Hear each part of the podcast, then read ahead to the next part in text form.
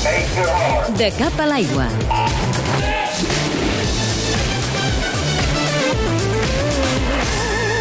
Per tradició, perquè és una de les proves més antigues d'Europa, perquè és centenària, perquè a Barcelona costaria imaginar una matinal nadalenca sense la tradicional Copa Nadal. Ara es fa, diguéssim, arribar al que és a, a, a Colón, al final de la Rambla, però abans es feia davant del Club Natació Barcelona. És una festa, a part d'una prova esportiva, és una festa perquè es tiren amb barretines catalanes, amb barretines de Papà Noel.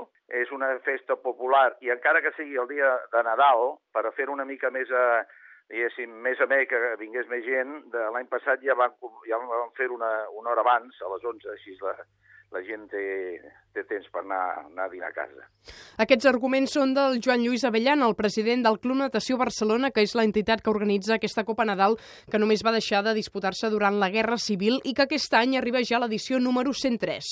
Nadar al, al port de Barcelona amb una Copa de Nadal, i no fa falta que es pot eh, ser de secar, però és que hi ha, hi, ha, hi, ha, hi ha una colla que sempre van allà, que van xerrant i van amb, amb barretines i van, van bueno, és folclòric, eh? A més, eh, amb una prova d'aquest tipus, amb un que organitza un club natació a Barcelona, que centenari, que, que, que han sortit d'aquest club 166 olímpics, que no sé si deu ser un rècord Guinness o per, per, estarem a prop, hem de mirar-ho, eh, home, és una cosa anècdota per explicar als amics, als fills, als nets. Eh?